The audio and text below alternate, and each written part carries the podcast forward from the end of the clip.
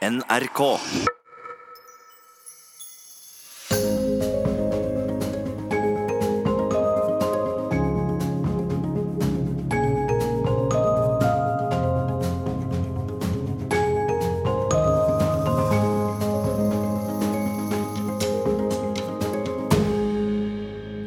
Dette skal handle om en film som ingen har sett. Det var jeg som filmet den, men jeg har heller ikke sett den. For 16 år siden lånte jeg et kamera av en venn for å filme faren min. Jeg tror aldri han var blitt filmet før. Det var sent på høsten i 2001.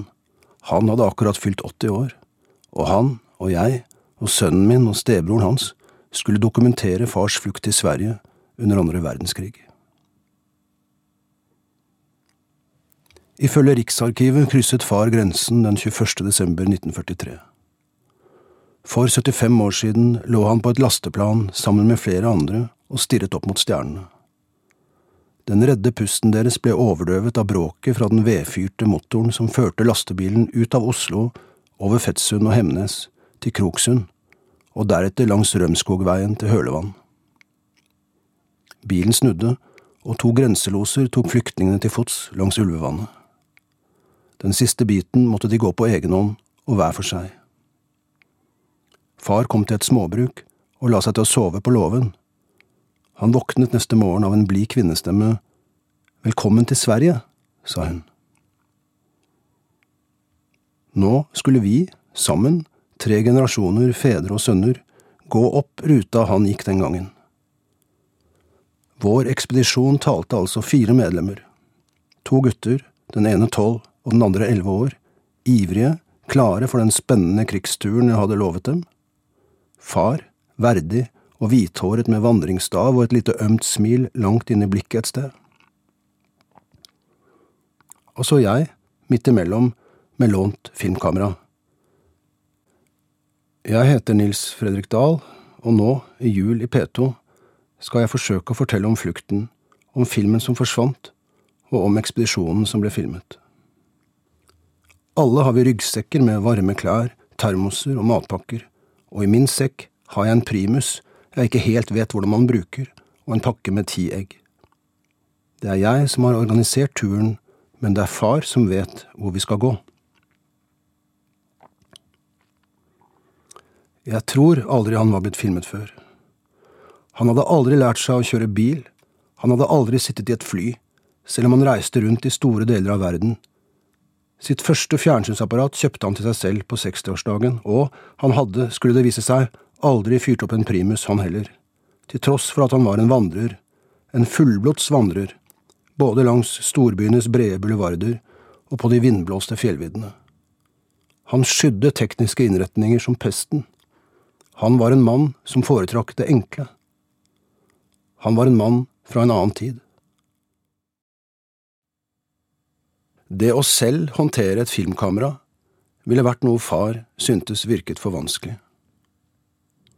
Og det å la seg filme tror jeg han så på som en forfengelig øvelse. Han hadde, for å si det som det var, intet til overs for forfengelighet. Og det å la sitt eget beskjedne liv bli gjenstand for en så voldsom oppmerksomhet som et filmkamera representerte, det å la seg filme, var, tror jeg han følte, en form for selvopptatthet og selvhevdelse han ikke satte pris på. Dåren skriver sitt navn alle steder, sa han. Men jeg insisterte på at denne turen måtte bevares for ettertiden. Han måtte rett og slett tåle å bli filmet. Og sånn ble det. Alt ble foreviget på film. Hele den lange turen mot grensen, alt han fortalte, alt jeg og de to guttene spurte om, guttene som gledet seg til vi kom til Sverige, til det billige godteriet de hadde hørt om.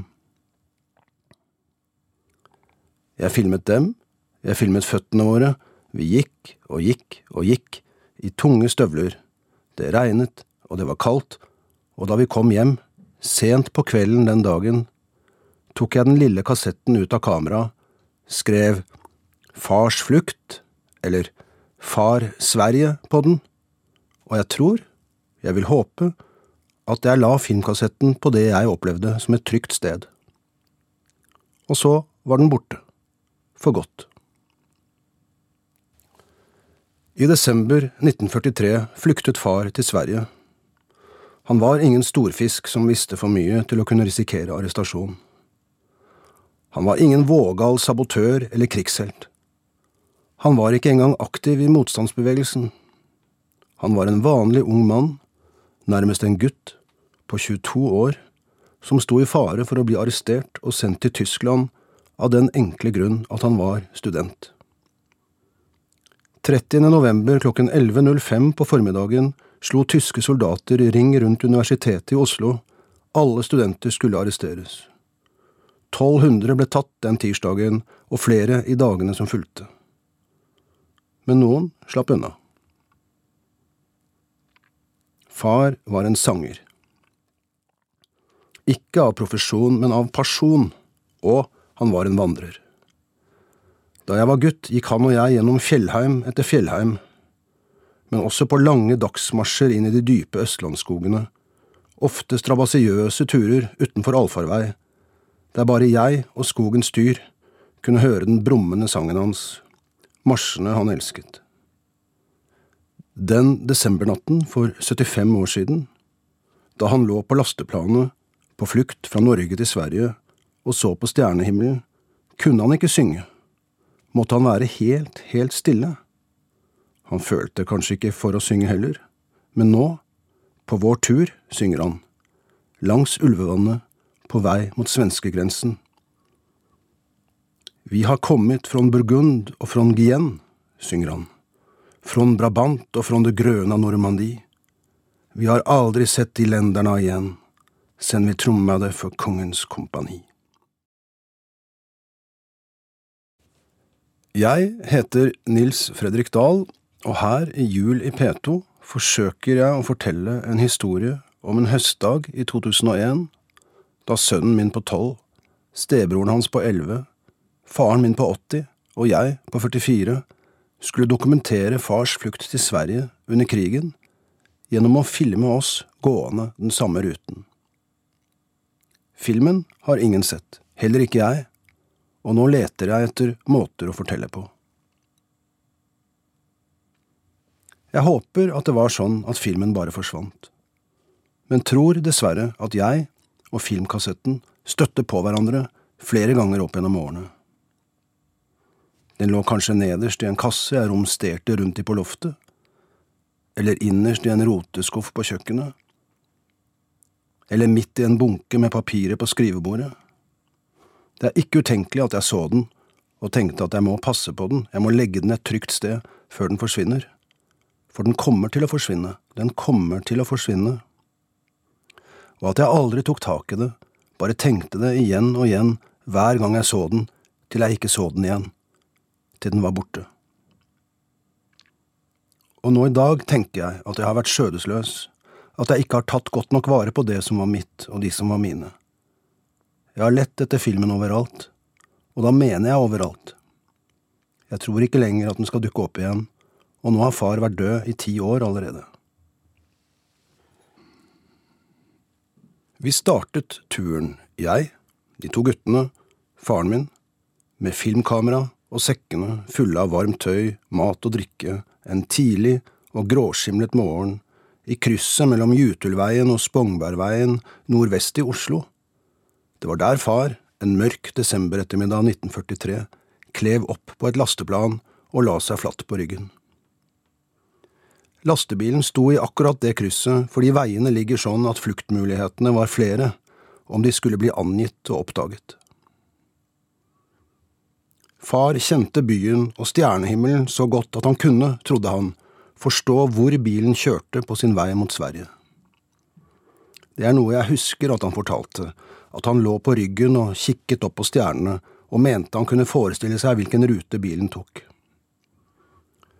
Men det er i alle fall et par ting som ikke stemmer med den historien. Hvis jeg sjekker på Yr hva slags vær det var i Oslo den dagen, det må ha vært den 20. desember 1943, så ser det ut til at det har regnet eller sluddet til dels kraftig.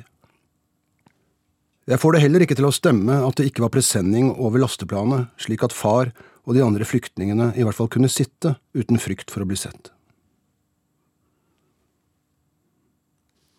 Det er sånn jeg husker, det er sånn historien er blitt til i meg, det er sånn hukommelse og minner fungerer. Han sa kanskje at han forsøkte å gjette seg til hvilke gater bilen svingte inn i hver gang han merket at den svingte, at han kjente byen så godt at han nok trodde han var i stand til det men at det var jeg, fordi jeg ikke egentlig fulgte med når han snakket, som trengte en himmel, bokstavelig talt, over historien om den første delen av fars flukt. Så jeg husket det jeg trengte å huske. En stjerneklar himmel, et åpent lasteplan, og far der, på rygg med øynene vidt sperret opp og sansene finstemte og i høyeste beredskap. Ingenting om de andre skyggene og silhuettene under presenningen, frykten, skjelvingen. Hva skjedde hvis de ble stanset? Hva skjedde hvis de ikke ble stanset? Var det noen gang mulig å komme tilbake? Var dette det siste som skulle skje ham? Vi var fire medlemmer av ekspedisjonen. To gutter, en far og en farfar. Barna, som ikke er barn lenger, som nå i 2018 er mye eldre enn far var da han flyktet i 1943, var med for at krigen i Norge ikke skal glemmes. De er elleve og tolv år, det er høst. Det er ganske nytt for dem begge at de er i familie. De leter etter måter å leve sammen på kan den eldste ta rollen som storebror? Hvem skal bestemme? Det er sånn mellom far og meg også. Hvem skal være ekspedisjonsleder? Det er min idé, men det er hans flukt. Han vil ikke bli filmet, men jeg filmer og filmer. Tanken er at sønnen min og stebroren hans skal få være med på et stykke virkelig krigshistorie men det er ikke rare krigshistorien, egentlig. Det skjer ingenting. Vi stanser, og guttene kaster steiner utover vannet. Yngstemann kaster lengst. Far skal vise dem hvordan man kaster fiskesprett, og ber guttene lete etter en flat stein. De kommer med hver sin. Far hiver, men får ingen av steinene til å sprette. Sønnen min vil at jeg skal prøve, men jeg filmer. Vi går og går i duskregnet, i det grå dagslyset, under en grå himmel. Steinene på landeveien er også grå, og blanke. Vannet grågrønt ved siden av oss. Grusveien og selv ormegresset og de tynne bjørketrærne er grå, og far midt i det grå, med det røde halstørkleet og den blå strikkelua.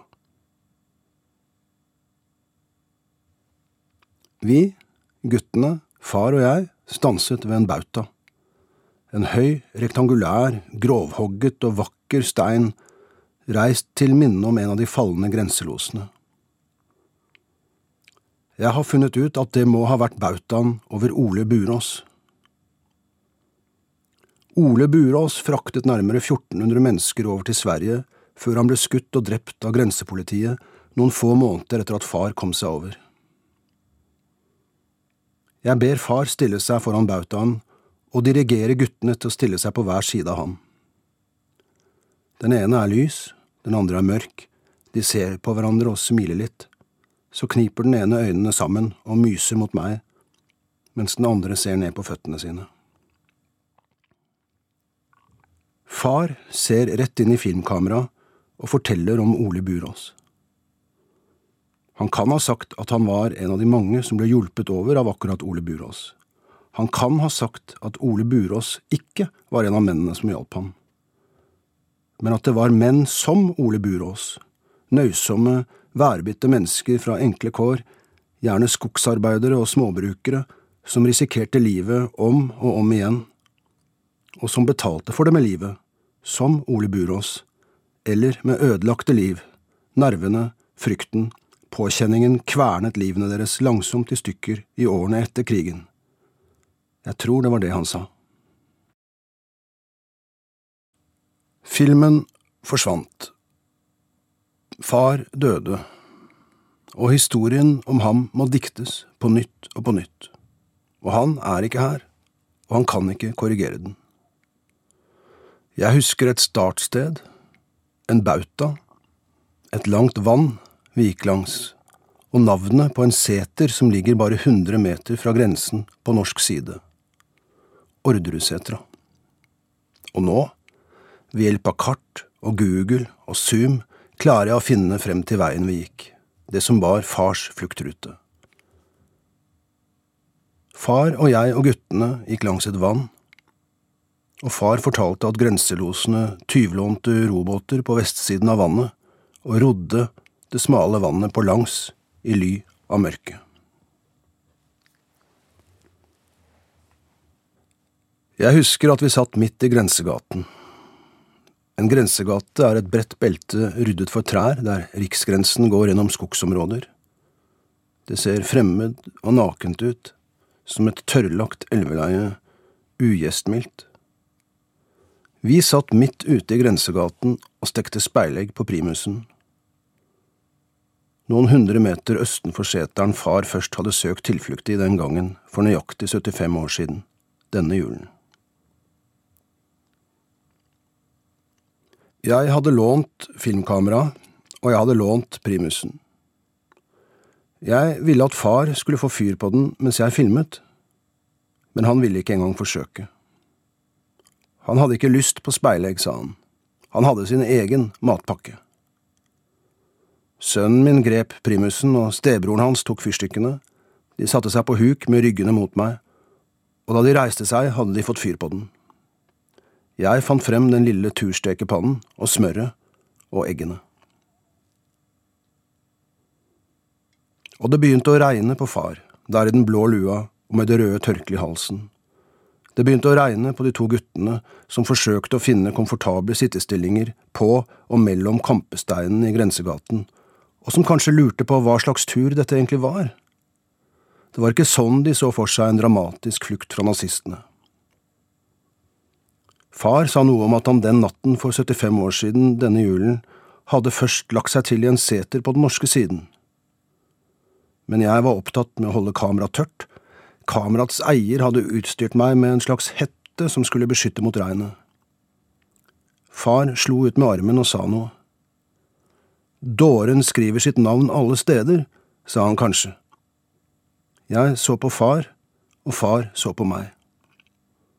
Nå tenker jeg at han, i likhet med guttene, lurte på hva slags ekspedisjon vi egentlig var på. Hvorfor sitter vi her? Hva vil du med denne turen? kunne han ha spurt meg om. Og hvorfor holder du på med det filmkameraet hele tiden? Jeg forsøker jo å fortelle noe her. Til deg. Guttene drakk lunken kakao i regnet. Vi ble våtere og våtere. De fastbrente speileggene ble våtere og våtere, de også. Vi gikk aldri inn i Sverige. Vi pakket sammen og begynte på den lange veien tilbake til bilen. Jeg heter Nils Fredrik Dahl, og her, i Jul i P2, forteller jeg en historie jeg ikke kan så mye om. Fars flukt til Sverige i desember 1943. For snart 20 år siden gikk vi opp fluktruten, han og jeg, sønnen min og stebroren hans. Alt ble filmet, men filmen forsvant før noen av oss fikk sett den. Jeg leter etter andre veier inn i fars historie, og jeg kommer på den dansende mannen på tyrefektningen. En gang for lenge siden, da jeg var ung, var jeg tilskuer på en liten portabel tyrefekterarena i en liten forstad til Barcelona. Det var sent i februar, før hovedsesongen hadde begynt, og her var det de yngste matadorene, Novieros heter de, som fikk prøve seg for å se om de dugde på de store arenaene litt senere på året.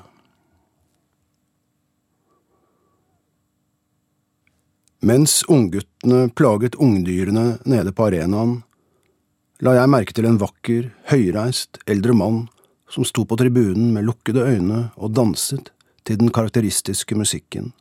Paso doblus, to skritt, frem og tilbake, til høyre, til venstre. Han kastet ikke så mye som et blikk på blodbadet nedenfor. Han lot den sparsomme februarsolen varme seg i ansiktet, og så danset han. Og det var alt for ham. Og selv om jeg aldri så faren min danse, så er det han jeg tenker på når jeg ser for meg den dansende mannen der på tribunen. Fars milde vesen, fars takknemlighet over livet. Det er rart å tenke på at jeg en gang var så ung at jeg ikke så det grusomme dyreplageriet som tyrefekting jo er. Det er rart å tenke på at mens far var i Sverige, ble han, da han var helt ung, utdannet til spesialist i bygerilja og opplært i såkalt silent killing, altså forskjellige måter å drepe et annet menneske på uten at offeret gir fra seg en lyd. Jeg har aldri fått det til å stemme med sårbarheten hans, det fredelige som fulgte ham overalt. Det finnes et par fotografier tatt av ham under øvelsen i Sverige. På ett av dem står han i snøen mellom grantrærne, han står liksom i angrepsposisjon, fremoverbøyd over maskinpistolen, klar til å skyte. Det ser ut som om han smiler, det ser ut som om han leker krig. Da jeg var så gammel som guttene var under vår ekspedisjon der i regnet, på vei mot Sverige, fant jeg det fotografiet i en skuff. Da var jeg en ung gutt og fikk ikke øye på at far også bare var det. Det ser jeg nå, nå som jeg er den eldste. Ryggen hans så smal den gangen, smilet så sårt. Og de to små guttene som gikk fars fluktrute sammen med oss, sønnen min og stebroren hans, er voksne menn nå. Og det de husker når jeg spør dem, fra turen vår den gangen, er den store skikkelsen der foran dem i skogen, den brede ryggen hans, og så husker de en rød låvevegg, en lang sjø. Dere husker vel, sier jeg, at vi satt i grensegaten mellom Norge og Sverige og stekte speilegg på primus mens det regnet og egget brant seg fast i stekepannen? Ja, sier de, det husker vi. Og en rød låve. Og et langt vann og farfars rygg. Og nå, når jeg sitter her og skriver dette, desembermørket ligger som en våt ullevott utenfor, løfter jeg blikket iblant og ser ut på parken nedenfor leiligheten. På silhuetter i mørket, skikkelser som haster fra noe og til noe. Noen av dem er flyktninger, noen av dem er hjemløse, noen av dem er papirløse, og for 75 år siden var en av dem faren min. Han flyktet for å unngå arrestasjon og konsentrasjonsleir. Og det var mulig for ham å gjøre det fordi det fantes et nettverk og en organisasjon som var forankret i sentral politisk vilje og handlekraft, og som var bygget opp rundt enkeltmennesker som var villige til å hjelpe andre i nød, villige til å ofre livet sitt for andres frihet og trygghet. 60 000 norske flyktninger fant trygghet fordi noen bestemte det, fordi noen varslet, fordi noen sørget for dekkleiligheter, fordi noen skaffet biler, fordi noen kjørte bilene, fordi noen fulgte over grensen, og fordi noen sa velkommen til Sverige. Som jeg har lett etter den filmen som dokumenterte fars flukt og vår tur. Jeg har finkjemmet og gransket hver krik og krok, hver kasse, hver kartong, hver veske, hver koffert, hver skuff, hvert skap, hver bukselomme, hver frakkelomme. Men den er, og den forblir, borte. Er det sånn at det vi har mistet, eller det vi tror vi har mistet, får en egen stråleglans, er en egen størrelse, får en særegen skimrende kvalitet, som om det er badet i måneskinn? Og får andre skygger enn de vi kjenner igjen. Filmen som kanskje ikke finnes, blir den større enn den som finnes, større enn minnet, og kanskje jeg ville bli skuffet hvis den dukket opp. Eller er det ikke sånn? Er det bare noe jeg gjemmer meg bak fordi jeg vet at jeg var skjødesløs, at jeg ikke tok vare på det jeg skulle ha tatt vare på? Kanskje forteller han om hvordan han stanser inne i skogen og bare står der i det lette snøværet og forsøker å puste rolig, forsøker å trekke været, blodet skyter rundt i den redde kroppen, men faller langsomt til ro. Og så er det bare den svakt knitrende lyden av den fallende snøen, og så en enda dypere stillhet fordi det slutter å snø. Han står midt i den stillheten, og han vil sette seg ned i snøen og bare bli. Men så synes han at han ser et lys foran seg. Fra en stallykt, kanskje. I Sverige, kanskje. Og så begynner han å gå igjen. Der vi går, far, jeg og de to guttene, er det ikke snø. Vi går i regnet til lyden av våte buksebein som gnisser mot hverandre og lyden av skrittene våre på grusveien. Vi startet hjemmefra tidlig om morgenen og har gått hele dagen. En av guttene setter seg på en stein i veikanten. Er det langt igjen? spør han. I 1943 bor far i en liten mørk leilighet i Oslo med moren sin hun som sitter i den dyprøde lenestolen i den mørkeste kroken av leiligheten og nesten ikke snakker. Til henne har han sagt at han blir borte noen dager, han skal på en hytte i Nordmarka. Hun kommer ut på kjøkkenet der han står og lager seg matpakke og ser på ham. Det er best å ikke vite, hun vil så gjerne si ordentlig adjø, men hun skal ikke vite. Hvis han blir tatt og hun visste hva han skulle, han er på en hytte i Nordmarka noen dager. Han har vært der før, og han drar dit nå også. Den blir en av flere dekkadresser i noen uker, før han går gjennom skogen i den tidlige blågrå skumringen og ser nedover jordene i mørket mot veikrysset der han skal møte lastebilen. Et par uker senere får moren hans et kort fra en bekjent i Stockholm. Det står litt om været og om julefeiringen og til sist står det at Julius hilser og har det bra. Hun kjenner ingen som heter Julius, og forstår at sønnen hennes, han som skal bli faren min, og som forteller dette mens vi går langs Ulvevannet, at sønnen hennes er i god behold et sted i Sverige. Hun sitter i den lille, mørke leiligheten og lukker øynene. Han er alt hun har.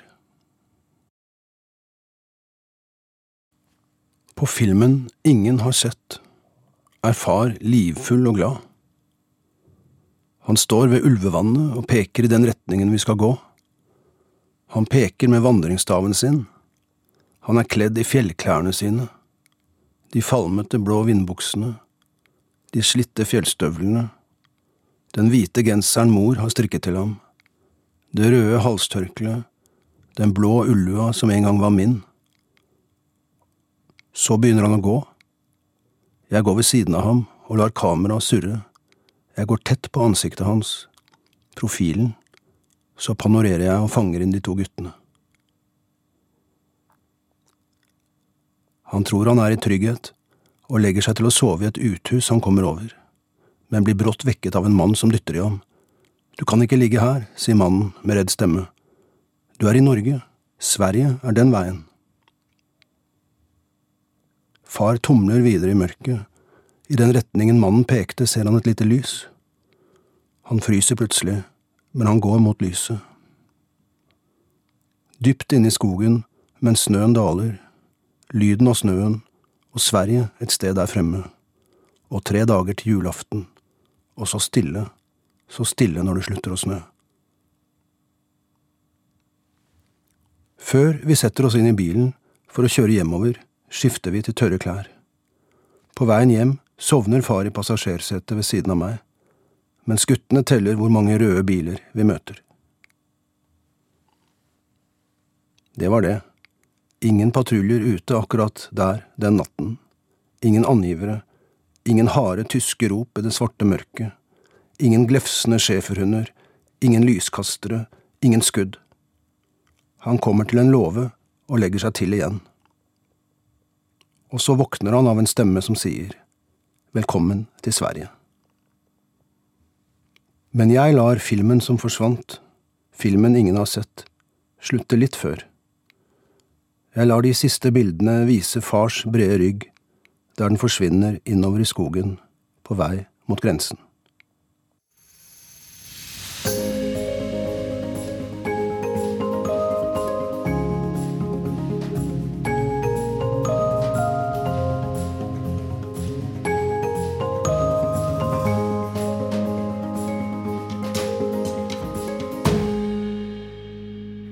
Har hørt podkasten Jul i P2 med forfatter Nils Fredrik Dahl. Produsent var Janne Kjellberg. Tekniker Erik Sandbråten. Du kan høre hele programmet med musikk i NRK Radio på nett. NRK.